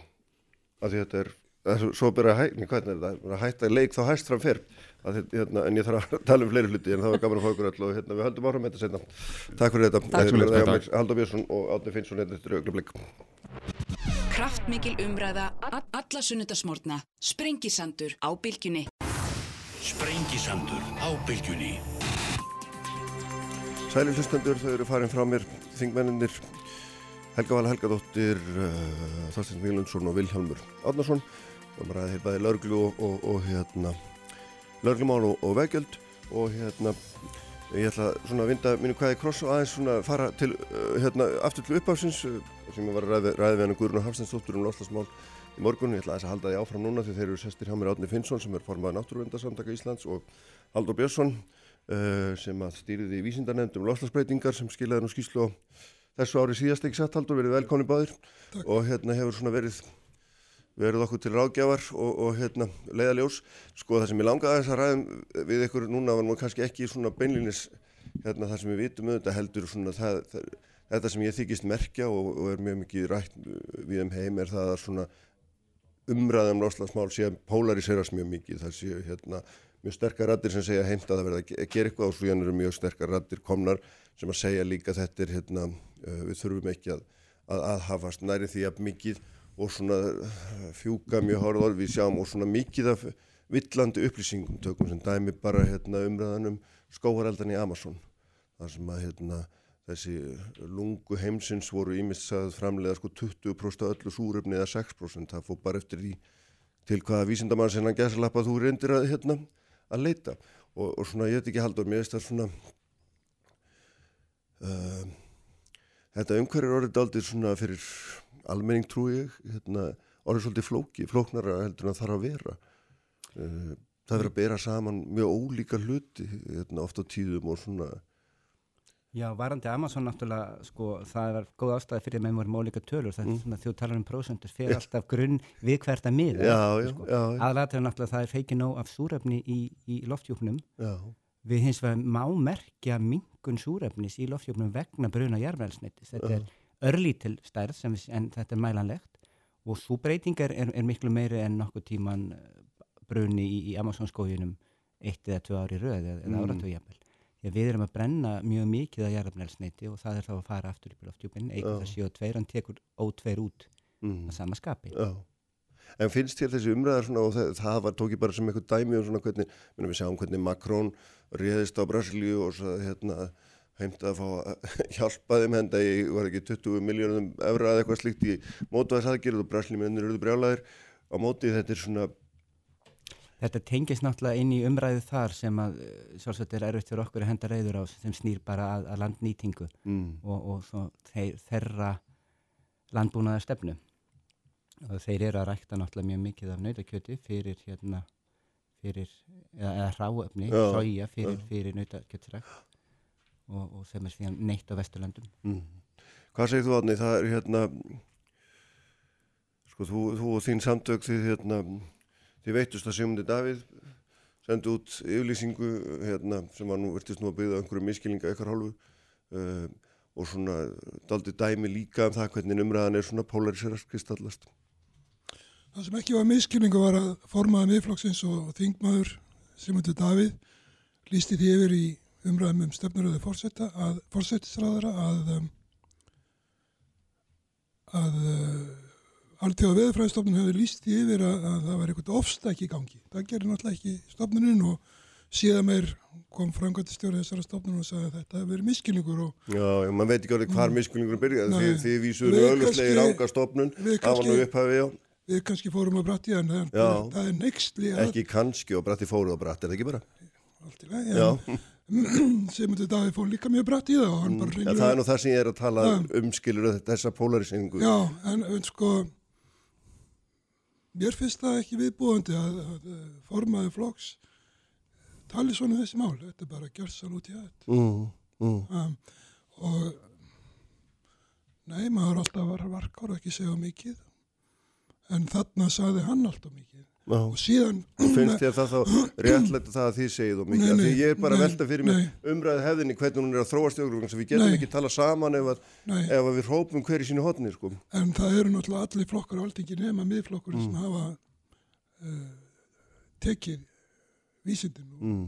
samtækta hvort þau eru að gera nóg það veit ég ekki, það er annars að en, en um, það, það gengur ekki að vera með svona blekkingar og síðan þegar hann er búin að tala um hann að veðfræðstjóra mm. eða veðfræðstjóra þá, þá talar hann um tíðinni fellibilja eins og það hefði verið líka að koma frá allt í að veðafræðstofnun. Það er bara rámt, þannig að það hverki frá. Mm -hmm, mm -hmm. Svo leiðis að, jú, en sko Kristján, þessi umræð hefur alltaf verið polariserið. Það sem hefur gerst núna hún hefur fæst mjög aukana, það er mjög ljósta að höfum mjög skamman tíma, fimm ár kannski, og það hefur alltaf verið öll sem har lagt gríðarlega peninga í það að sko blekja fólk og gera lítúður þessu og, og jafnir falsa vísindi mm. og um, síðan náttúrulega til þess að þetta er svona faktor eins og Greta Thunberg sem náttúrulega gríðarlega áhrif kemur upp, þá held ég að þetta er náttúrulega herðar óðurinn sko. mm -hmm. og, og leggja meir í peningi mm. Haldur það er sko hérna núna bara á síðustu mánu það hefur auðvitað orðin til hugtækja hamfara hlítun og hérna ríkistjórnir hafi verið kvart alltaf lýsi við neyðar ástand í lofslagsmálum það er alltaf að orðfærir er að skerpast og þeir sem að nota þetta segja að það er nöðsynlega til þess að vekja fólk. Já, þannig að sko, ef þú lýsir við neyðar ástandi og gerir ekki neitt annað þá, mm. þá þetta, hefur það, verður það ekkit annað en bara einhvers konar grannfólk Jósef Stíglitz sem er sko Nóbulsvarðan að hafa í hagfræðis að þetta væri, þetta væri heimstyrjöldin þetta væri ámútaslæm Já, sko, menn hafa talað um að kostnaðin eða átaki sem þarf að leggja í mm. jafnist á við styrjöld. Uh, og hérna það í sjálfu sér sko hérna, getur vel verið. Og ef mann telja sér þurfa að lýsa við neðrástundu til þess sko þá, þá hérna þá er það í sjálfu sér sko orðræða eða, eða orðfæri sem ég ger enga aðtöðasend við. En aðalatrið er náttúrulega að mann þurfa að takast á við þetta mm -hmm. en það út af því sem að átni minnist á hérna með umræðina og, og, og, og Petri Talas mm. sem að var fórsiti Frankstjóri Alþjóða viðfræðistofnaðar þá er mikilvægt aftur að segja á því sko inn í hvað umræða hann er að reyna að tala ég gerir ráð fyrir, mm. nú þekk ég til hans mjög vel og Já. þetta er ákallað skarpur maður og hérna og svona þessu umæli voru algjörl út úr karakter við það sem, að, það sem er haft eftir hann algjörl út úr karakter við það sem hann myndi venjulega að segja með hvað hann hefur sagt í fortíun og all hans vinna mm. þannig að hérna en það er sko máalega gaggrína vístamenn eins eins og mig og aðra fyrir að þegar við ræðum um lofslagsmál þá yfirleitt förum við yfir þetta það sem er að gera og þetta eru afleðingarnar og svo hættum við þar. Og þetta er það sem að hérna, umhverfisfræði kennar að kalla öngstræti umhverfismentunar og þú raun og veru ræðir neikvæðafleðingarnar og stoppar svo þar mm -hmm. í staðis að miða að því að reyna að sko uppfræða og ebla, valdebla og, og, og skilja eftir einhverja siðferðla ábyrg hjá mannum um að gera eitthvað í málnu en þegar þú bara hættir þarna þá getur endað að ég lama fólk. Menn bara, þetta er bara gerðsanlega búið spil og er, þetta er orðraða sem maður hefur heyrt meira, það er ekkert að gera lengur, þetta er svo dýrt að því er ekki að gera neitt. Mm -hmm. og það er líka þessu umræða sem hann er að tala inn í. Að hérna ef þú ert búin að samfæra fólk um að heimurinn sé algjörlega að farast mm. þá annarkvort eru viðbræðan þau að mann vil ekki gera neitt eða þá mann vilja grípa til hvaða aðgerða sem er því það hlýtur alltaf að vera betra en, en, en, alltaf betur en ekkert, ekkert sko og í stað þess kannski að reyna að setjast niður og forgangsraða hvað er, hvað er best sko. mm -hmm. og það er kannski svo umræða sem hann er að reyna að komast inn í en hún er mjög erfið á þessum tíma þegar að er jafn gríðarlegum peningum og raun ber vittni veitt í þessa þennan bóstalega yðnað sem að hérna, hefur snúist að því að upp, halda fram allsins rángjendum og, og það er rétt sem afnið segir sko falskar fréttir er ekkert nýtt fyrir okkur við höfum þetta klímaverðin sem 1995 að minnstakosti alveg stanslausan áráður og, og uppdiktaða sögur og útúrsnúning og slíkt og bara mm. á tímabenninu 2003 til 2010 var í bandaríkanum eitt meira en halvu miljardur dollara í þennan yðnað. Það sem hægt er að reyka sem það sem verður því að haldi fram að áhrif Já, peningar, peningar sem að streyma til þessara stopnana sem eru að halda fram hérna, American Enterprise Institute Heritage Foundation og allar þessara frá fyrirtækjum eins og Exxon og Koch-bræðurum og öðrum. Og hérna, þetta er gríðarlega peningar, sannlega meira en var eitt í svona reynar loftastrannsóknur á þeim tíma, það vísu, og skilgrunni það nógu vitt, þá, þá var náttúrulega meira peningi þar, en hérna þannig að hérna það er við mjög rammareipa drag og það er raun og verið mjög erfitt að, að halda þessari umræðu á þess að hlaupa út í einhver, einhver mm. vittleysu einfallega af því að það eru svo miklu hagsmunur sem eru tilbúinir til þess að afveðalegana. Mm. En mér fannst eins og þessi hérna, veður stórstjóri Uh, hérna, sem við erum um talaðum og ég nafni dætt nú akkurat úr minn Talas, Talas já, hérna, sko, það sem hann var að segja og mér fannst svo áhugavert var að hann segi við beitum vísindum til þess að rannsaka hvað er á segði og það er því nöðsynlegt að beita vísindunum til þess að, hérna, að berjast gegn þessu eða þar að segja, finna þar aðgerði sem, sem að gagnast já, já. Og, og það er það sem hann var að lýsa eftir það væri ekki heldur eins og þú ert að segja þá gerðum við bara eitthvað Já sko það, það er komið alls konar hugmyndir sumar eru slæmar og maður sér þetta alveg mm, sko ég mm. sé hugmyndir hjá fólki sem að vil, 25% allra losuna tengist landnótkunn og þá landbúnaður er hluta því þá ekki allt mm. en maður sér fólk segja sko það verður að grípa fara aftur landbúnaðar hátta sem tíðkust í ráðu fyrr og gleyma að hugsa fyrir því að við erum það mörg núna að stíki landbúnaðarhætti myndi sennilega ekki bröðfæða plántunan það er augljóslega laust sem er ekki fær svo menn þurfa að aðeins að hugsa þetta út og okay, hvernig ætlum við þá að bröðfæða plánuna það það er svona hlutir en leiðvöld komin út í þessa umræðu um að það sé allt á vonarvölu það sé ekki þetta, sko, þetta mm. sé allt að farast mm. þá kallar það ádaldi mikið svona viðbröð eða viðbröð þar sem mann vilja algjörlega umbylta efnagskerfi heimsins oh. Hugsanlega vilja mann það af öðrum ástæðum en, en, en meðan þú veist ekki alveg sko, hvað þú ætlar að gera í staðin þá er alls ekki vist að svo vekkferð verður til góðs við höfum allavega ekki, ekki upplifað það på síðkasti af fyrir umbyltingum sko. mm. Hvað segir um þetta? Það er maður, svona, maður þykir svo sjá hitt nákvæmlega þetta að menn sé að hoppa á þennan svona loftslagsvagn af allt öðrum ástöðum gera ára svo kapitalismen að því að og, og blanda sér inn í að fara þessa leið loftslagsvagn það er, það er Sko Ég held ekki að, ég verð ekki varfið þessu umræðið þeim vettvangi sem ég er. Nei. með til dæmis alþjóðlega umhverjusvendasamtaka eða á vettvangi saminu því að það sé svona einhverjar, einhverjar skyndilausnir, einhverjar ódýralausnir. Menna kannski að sum samtöku beina kraftur sínum gegn skóraeyingu eh, eins og í rekskónum annar samtök eru í einhverjum öðrum hlutum og svo eru samtök sem að koma með einhverja efnarslega lausnir og, og Svo já, þannig að ég held ekki að eitthvað svona öfga umræða enginnis, en það getur náttúrulega verið inn á milli og ég held að það bara vaskist út sko í umræðinni mm. hvað, hvað er auðvitað ekki en ég, er bæta við sko hann saði sjálfur á fyrstæðu ríkstúttarpið talas að, að þeir sem höfðu vakið máls á þessu morðum hans væru þeir sem að gerði allt til að við fengja vísindin mm -hmm. þannig að því miður þá fór þetta svona dolt út um þúur En ég er ekki, já, fyrir ekki að heldur sko, það, það er alveg rétt sko bara í það sem Átni segir hér að þó að maður verði var við þessa umræðu mm. þá er það, finnst mér aldrei svona einhverju jáðarhópar uh, megin þungin ef við skoðar hvað er að gerast á vegum alþjóðasamtök og vegum saminu í þjóðana þessari stóru þungu alþjóðlegu umræðu sem kemur í kjölfar leiði til Parísasamkomlagsins og síðan í framaldi þess mm -hmm. þá erum við að tala um alvegur lausnir en kannski helsti vandin er að okkur vantar stjórnmálumenn sem eru reyðbúinir að, að leiða.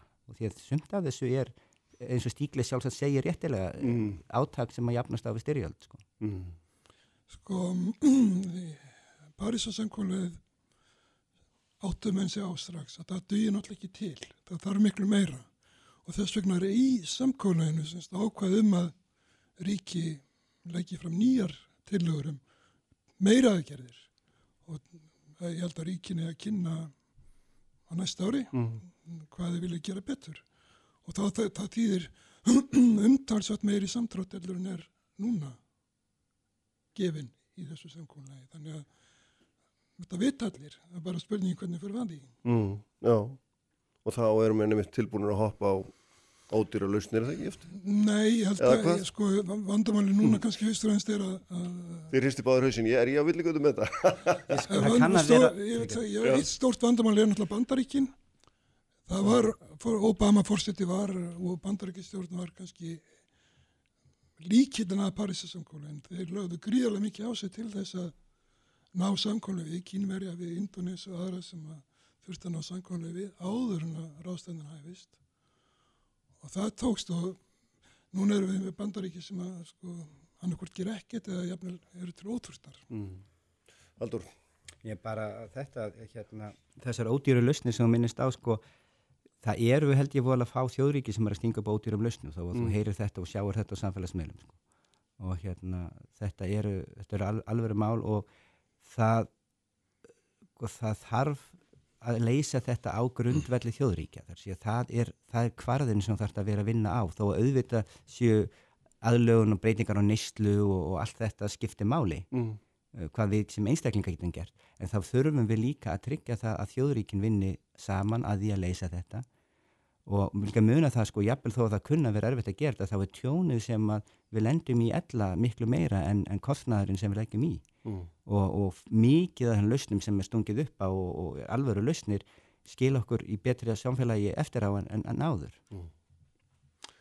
Einn stór lausnum er hækka gjaldið á helsniti, kolminsgjald og það sé ekki bara hverju landi heldur yfir heiminn allan að mm. ríki getið samtækt að til að, til að draga losund þá þurfum við að hækka verðið á bensín og olju mm.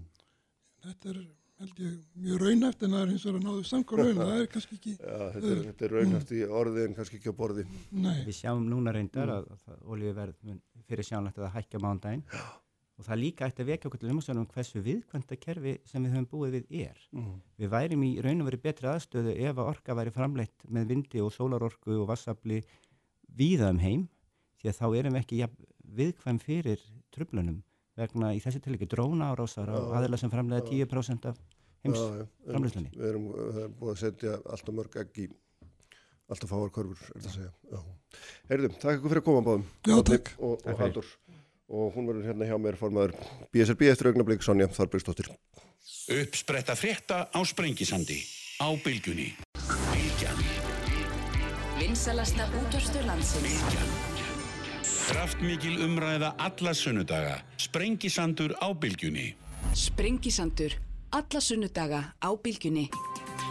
Sæli hlustundur, haldum áfram hér á Sprengisandurum. Það er loka spretturinn í dag þessum sunnudeginum. Þeir eru farnið frá mér Haldur Björnsson og Átni Finnsson. En sestur hjá mér Sonja Þorbergsdóttir sem er formaðið BCB. Verður velkominn. Takk fyrir. Hvað ertu búin að vera lengi? Ekki mjög lengi. Nei, síðan oktober. Síðan í oktober, já, það er tæft ári á. Já. já. Þetta, er, þetta líður mjög hratt, þannig að ég, mér er alltaf sérkjænlegt að segja frá því að það sé að verða komið ár Já. að vera að segja eins og er. Já, sko hérna, það var alltaf mjög mikil hérna svona kjara samninga vetur, síðasti vetur og einkendist mjög mikið af því svona uh, þjóðmála umræðan uh, hérna, en þið eru ekki búin að semja þá og, og mér skilst á ykkur að, að það er svona farið að reyna á langlunda geði hvert ykkar við semjundum. Já, það má segja að undirbúningunum fyrir kjærasamlingsverðar hjá okkar aðaldafélum hafi raunverulega hafist fljótlega eftir þingið okkar í oktober mm. síðastliðin af því að þá var svona mótu, mótaðar þessar helst áherslur okkar sem voru að fólk geti lifað af legstur laununum og, og við ætlum að styrta vinnuveikuna og það hefur verið svona leiðar ljósið síðan hófust formlegar kjæraviðraðar í mars og þetta voru að fylgjast með og sjá komið til gerast á almennu vinnumarkaði Við áttum þátt í samtali við stjórnvöld sem að leti þá síðar til yfirlýsingar þeirra í tengslu við lífskjara samningin. Mm -hmm. Þannig vorum sammála þessu, þessari áherslu og stefnubreitingu um að stjórnvöld eiga að koma betur inn og markmið okkar er að stuðla jöfnuði og það eru marga leiðir færar af því og við viljum fá að hafa áhrif þar á. Mm -hmm. En það er ennþá allt strand sannsagt hjá ykkur eða er það ekki rétt skildið eða hvað? Kjærasamsverðarnar eru í gangi en þá, það er ekki búið að skrifa undir og sér ekki alveg fyrir endan á þeim því miður, við vorum búin að setja okkur þá það markmið núna síðast að við myndum klára þetta fyrir 15. september já. það er ljóst að það verður ekki það er í dag, já, já. Um, hins vegar máli segja að af þessum smerri málum að þá eru við að þokast örlítið áfram en skiljanlega eru okkar félagsmenn orðnir svona náttúrulega. Samningarnir er lengur lausir. Það er ekkit eðlert við það að það taki svona langan tíma að gera kjara samning hverju sinni. Nei. Og þið eru náttúrulega semjað þarna við hýðu ofinbera. Já, við erum að semja við og ríki og... Það greinir snú hérna á þrautin þingri. Já. Það er snúnara heldur en að semja við semja markanum einhvern veginn. Ég, við náttúrulega, okkar aðaldafjölu er að semja líka við fyrirtæki og á almennum markaði og þar er leiðandi við SA, þannig mm. ég skal ekki segja um það hver munun á sig er, en, en hins vegar að þá held ég að, eða okkar voni stóðu til þess að við myndum aðeins breyta frá þessu ferli að það væri ekki alltaf að liði svona langt á milli kjærasamlinga hverju sinni, en það hefur hins vegar ekki tekist, þannig að það vonandi bara læru að reynslinu og, mm. og, og tökum upp hérna samtal um það hvernig maður bæta úr það er hins vegar mjög svona áhugavert að hvað maður finnur það að svona af þessum pólitísk kjörnu fulltrúum sem eru stjórnvöld sem við erum að semja við, mm. þau eru fórsvari fyrir ja. ofnbæra starfsmenn að þeirra nálgónu umræðan er nánast eins og allir kæra samningar séu höfn. Það er mjög lítil umræða ja. um viðriðarnar og ofnbærum markaði. Ja. Sem e, maður finnur það, það fyrir heldur ekki vel í okkar hóp. Nei, nákvæmlega og þarna, það er náttúrulega ekki bara því heldur líka, hérna, hann var nú hérna mér um daginn að Flossi Eiríksson, frangatistöður í starfskræðinsambatsins, þeir eru náttúrulega líka í bara eila sömu stöðu, það er við, við sveitafélagin, það er hérna líka ósamið Já. og hérna, en hva, hva, hvað er þetta semja eða því fyrir margt fólk, þetta er umtalsverður hópur? Það eru kjærasamlingar næstu því allra aðaldafélagana lausir, allar mm. nema postmannafélagsins, þannig að mm. þetta eru næstu því 22.000 manns. Og BSB fyrir sérstaklega með svona sameileg mál sem öll okkar aðaldafélag mm. var þá sameilegst um að við meðlega ekki áherslu á, sem er eins og styttingu vinnuvikunar og jöfnu launamilli markaða. Það er líka að við þurfum að breyðast við nýjum lögum sem að banna mismun og grundvelli aldus. Þannig að það er svona margt svegum sameiglegt og eru þá líka málefni sem að hafa verið uppi hjá öðrum hildarsamtökulegna fólks eins og BHM og KI mm. og eins og þú nefnir aðaldafjölu ASI, starfsgrunnarsambandi er þar stæst sem er að semja við ofinbera. Já, sko það er eitt sem er einnkjandi náttúrulega síðastlunni vetur var þessi krafa verkefliðsreyfingarinn um að fá að að hafa meira að segja um samfélagsstrónu, það getur maður getur alveg sagt að er ekki líka, það var svona undirliggjandi í allir þessari umræðu og hérna og, og ef maður maður þarf ekki lengi að skoða ykkar hérna, uh, ykkar skoðanir, ykkar afstöð til að sjá að þeir eru að nákvæmlega sömu leið. Og það er svona áhugavertir er náttúrulega þessi styrting vinnuvöku sem þeir líkið ofurláhásla og eru að náttúrulega krefist að verði samið um sérstaklega núna. Hún verði lögbundin í 36 stundir ekki satt Krafan okkar er að, að vinnugan verði stitt í 35 stundir, 35 stundir og það verði gengið ennþá lengra varðandi vaktöðinu fólk já. einfallega vegna þess hvaða áhrif slík, slíkt vinnutíma fyrirkomulega hefur á þig, bara mm. líkamlega og andlega helsu. Við erum búin að vera með þetta sem áherslu mál í mörg ár og það var svona ákveðin Allt frá 2004 er það ekki? Jú, eða þú veist, og svo náttúrulega er þetta bara frá upphafi var þetta stærsta mál verkalýssefinga í heiminum mm. þegar kom krafan um 8 tíma vinnuta 8 tíma kvöld og 8 tíma söfn bara um aldamótin. Um, og kannski líka út frá því er áhugavert að við séum núna árið 2019 að við séum einhvern veginn enna nálgast vinnutíma með þeim hætti að við sem erum að tryggja kvíld í staðan fyrir að snúa þessu við og horfa á það hvað er best fyrir einstaklingi sem er að sinna vinnunni og þá vinnust það eins og með leiðis. Uh -huh. Og þess vegna komið til þessi tilhjónaverkefni, það var politist frumkvæði á Reykjavík og Borg eh, 2015 og þá voru tilhjónir um að styrta vinnuvikunni 35 og 36 stundir og síðan náðu við fram hjá BSB síðustu kjærasamlingskerð, hvert ríkin að þeir farið í tilhjónaverkefni að sem vinnuvikunni styrti í 36 stundir.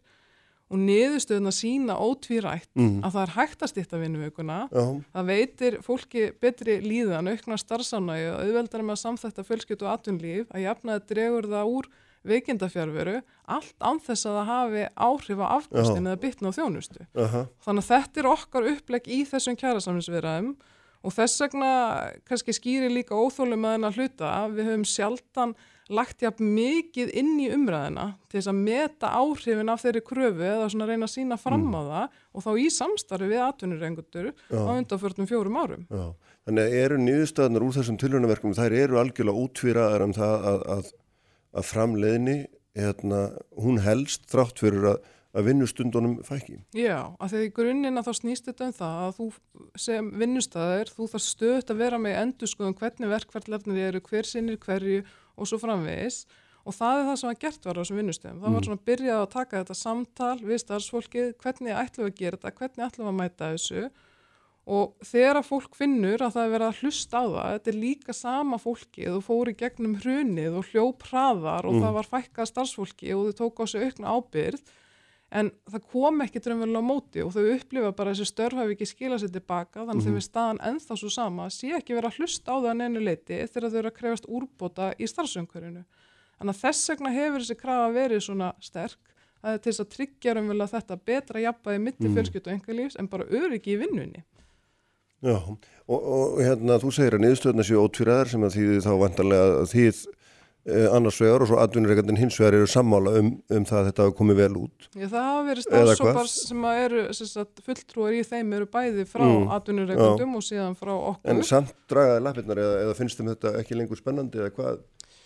Ég, það má segja að þeirra viðhorf er svolítið okkar mati gamaldags að því leitunni til að það er alltaf verið að horfa til þess ennþá eins og sért í hálfgerðir í færibandavinnu. Og öll svona nálgun á breytingar á vinnutíma hún virðist miða út frá því. Mm -hmm. að þú bara einhvern veginn standir og þú afgriðir þín verkefni og það hversu mikið þú standir við færibandi að það séu áhrifin af því það sé það sem ráðið í hvort þú gerir eitthvað ekki hvað þú gerir raun og veru já, já, já. og gleimist á þessir, þessir, þessi andlu áhrif nú eru störfin svolítið meira að hverfa frá því að vera líkamlega og yfir í að vera eitthvað sem að reynir á hugan mm. og þá eru við að tryggja það að fólk sé með orku og geti lagt allt sitt í verkefnin þegar það er á staðnum og svona reyna þá að forðast einhver svona óþarfa tíma sem er bara að draga úr orkunni og mm. það er svona megin hugsuninni með þessu En þetta svona með nýtur ekki Við skulum segja að við erum bara svona að þrefa um þetta. Já, já, við, við, bara, við erum að þrefa um þetta. Í grunninn að það má alveg segja að það er áhugi fyrir stýttingunni. Mm -hmm. en, en hins vegar hvað veldur, það veit ég ekki. En núna er staðin hins vegar þannig að við erum búin að vera svolítið á sama stað í kjærasamlingsviðráðum til lengri tíma og núna horfum við til þess að það verður eitthvað að fara að breytast, það verður að koma eitthvað nýtt mm -hmm. inn í umræðina Já. því annars þurfum við bara að fara að hugsa okkar gang hvernig við nálgumst þessa viðræðir Og hvað þýðir það að hugsa sinn gangi? Já, það mengi? er náttúrulega eina úrræði sem að stjættafélag hafa í Já. þeim efnum er að fara aðtöða hvort að við erum að kanna með verkvælseimildir hjá okkar félagsmönnum Það var líka náttúrulega leitt að engjani þessara nýju kröptu verkvælseimlingar, það var rétt um nefn að segja verkvælsvotninu hefur bara ekki verið beitt nóg það verður kannski ekki að samansagt um ofinbæra vinnum eins og almenna. það, það, það er ekki svo leiðis en, en hins vegar, ég meina okkur finnst það miður að niðurstaðan sé yfirlegt svo að þurfa að grípa til verkvælsvásmiðs til þess að samræðarna gangi eitthvað. Já. það eru þetta frálegt Já, það er merkilegt. Hérna, annað svona sko þegar maður fyrir að skoða, skoða ykkur er aðeins, hérna, það er svona áhugavertin alltaf á, áslá á þess að þið kalli félagslega stöðuleika og hins vegar á heilbríðismálinn sérstaklega sem að hérna er svona og mér finnst það svona þegar maður fyrir að lesta þeir eru farin að svona velta fyrir ykkur eiginlega flestum hliðum samfélagsins. Sem þeir eru talið um öryggi borgarna og hérna og, og sangirni og það er alls konar högtök sem þeir eru að nota sem er svona ég veit ekki, eru, eru svona daldi fyrir utan einhvers konar kjara viðræður í sjálfu sér sko. Já, það er einmitt margir sem átta sig kannski ekki alveg á því hvað við erum uh, í mikilli hagsmunabaróttu mm. bara til að tryggja jöfnu og lífskeiði heilt yfir. Það er auðvitað einhverjar fyrirmyndir ellendis frá og, og stundum eru þá hérna, verkalýsfélagin þar þá eru þau bara tengd stjórnmálaflokkum þannig, og eru svona runnin úr þeim rifjum eða þaðan kemur kveikjana samtalenu en, en það já, og, og kannski líka þess vegna er maður oft hissa á því hvaða kannski fáir heyra af því að átta sig á því hvaða fer mikill þungi í baráttu fyrir þessu, já. fyrir launafólk. Af því það er ekki verið að hugsa um eins og þú segir bara út frá aðstæðum að kjörum á vinnustannu sjálfum, heldur bara í lífinu almennt, mm -hmm. þannig að við viljum stuðla að betri lífskeiðum og kjörum. Já, en þau, það er sko eitt okkur sem heitir bara baráttan fyrir heilbríðiskerflu Já sem er hérna, aldrei svona, já, merkileg yfirlýsing hérna, bara áttan fyrir helbriðskerfunu ég veit ekki hvort að fer hún fram innan stjættafélags, því að nú eru stjættafélagsmenn alls konar og glíma við alla mögulega hluti bæði hérna, of og van sko Er þetta vettvangur? Þetta er náttúrulega hluti af lífskjörum okkar af félagsmanna. Já, það já. er það hvort það sé jæmt aðgengi að heilbyrjastjónustu, hvort sem mm. hún byrði í Reykjavík eða á Östurlandi mm. og, og hvað hún kostar þig. Þannig að ef að þú veikist að þá viljum við alltaf tryggja þetta að það sé félagslegt öryggi sem að grýpur þig og þú farir ekki á hausina því að veikjast. Mm -hmm. Við höfum hérna, styrt rannsóknir hvað þetta varðar og það er ljóst að mikill meiri hluti landsmanna vill að heilbyrjastjónustu sér reygin af hennu ofinbera þess vegna er mjög undarlegt að þessi umræða einhvern veginn er alltaf að festa sig aftur að þurfa að fara að enga veða allar hluti mm -hmm. það er í grunninu fullkominu andstuði við okkar áherslur Já. út frá því að almannaþjónusta á að vera á höndum hins ofinbera mm -hmm. þeir eru best til þess fallnir að rekana og tryggja þá þannig gæðinar mm -hmm. og jæmt aðgengi mhm. Líka þeir eru mistæst líka þegar þið mistegist, þá bara lærum maður að mistökunum. Mun frekar heldur en enga veginn allavega ég get ekki bentir á neinn góð dæmi hvað það var þar hér á landi. Nei, nei, nei, akkurat, ég ætlar ekki að svargum það við þig en, hérna, en, en, en, en þetta er svona sko, augljóslega svona uh, mjög mikil tenging við þessa, þessa verkefælisrengu sem að reyks upp að, að svona, það er þessi þessi krafa um að láluna fólk getur við ekki satt að fái svona sterkari rödd og það hafi meirum að segja hvernig samfélags hérna formið og hvernig struktúrun er. Ég menn það skiptir mjög möglu máli að fólk upplifa að sér hlusta á þessu, ekki síst í svona mm. þessu pólitíska landslæði sem við erum að sigla inn í núna mm. um það að fólk sé að missa vonina og upplifa sér skilið eftir og við erum þau samtök, þetta er grásróta samtal sem við verum síðan að skila fram og þetta er svo sem ekki nýtt áherslan á samfélagsmálefni, þetta hefur verið frá upphafi, frá því við vorum mm. stopnuð og saman. En finnst þér þetta ekki að hafa komið sterkar fram núna Ég vonandi er þetta að komast betur til skila. Hvað skilja bara komið sterkar fram í svona ofnbyrjumröðum? En svo er kannski líka annað í þessu sem ég hef áhuga á og, og kannski maður setur svona dagskrá eftir kærasansviðra, það er mjög margt sem er á þeim aðgerðalista. Það er umverulega að virkja fleiri til þáttöku í samtalenu innan verkefliðsreyfingarnar mm -hmm. og þá kannski sérstaklega ungt fólk. Já. Af því að við þurfum náttúrulega að fara umverulega að froskast áfram og færa okkur nær til nútímans og þessi samfélagslega málefni sem ég nefna á það, nefndi á þann að þegar ég tala alltaf með mína vinni um það að við sem að berjast fyrir betra fæðingarólofi sem var, er mjög mikið framfara skrif núna að ég lengja það í tólmániði mm -hmm. eða varandi batnabætunar og svo framvegis að það verða flestir svona mjög hissa á því og átta sig ekki alveg að þetta sé svona í okkar umhverfi en Nei. þá finnum maður að áhugin er meiri fyrir utan að það hafa náttúrulega allir áhuga að ræða um sín kjör á vinnustad og hvernig við þókum þeim áfram ég er ekki vissum að kannski yngstu kynslaðunar á vinnumarkaði átti sendla á því að ástæðan mm. fyrir þessi frí og lögutum og sunnutum og þessi 40 stundar vinnug og vonandi 35 sé út að bara áttu okkar sem er þá, það er verið að færa fram kröfur fólksins. Já, já. En finnst þér einhvern veginn að verkefliðsreifingin hafi þá á, á undarförnum árum einhvern veginn vandrækt þetta svona, ef maður segja svona breyða samfélagslega hlutverk sitt Ég myndi alls ekki segja vannrægt af því að Nei. ég hef verið hjá BSB í tíu ár þannig að ég fylst vel með mm. hlutunum þaðan í þennan tíma og þetta samtal við stjórnvöld er alltaf mjög mikið og er reglulegt og, og það hefur verið tryggt með en það sem kannski vantar upp og er að meira við komum við út til samfélagsins hvað við erum að gera. Mm það er kannski eitthvað sem maður þurft að taka betur til skoðunar. Já.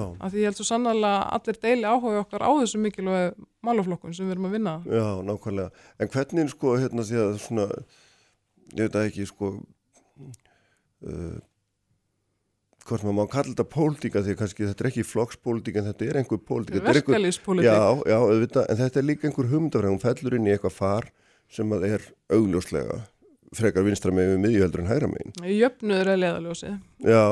Þannig að það er alltaf það sem að svona færir okkur nær saman. Svo já. getur maður reynd að greina íslenska pólitík já, og segja margir að þetta sé bara allt miðja og svo svona smá til hæra og vinstri sko. Þannig að það er líka spurningin í þessu. En hvernig hugsað þú um þetta fyrir ykkur?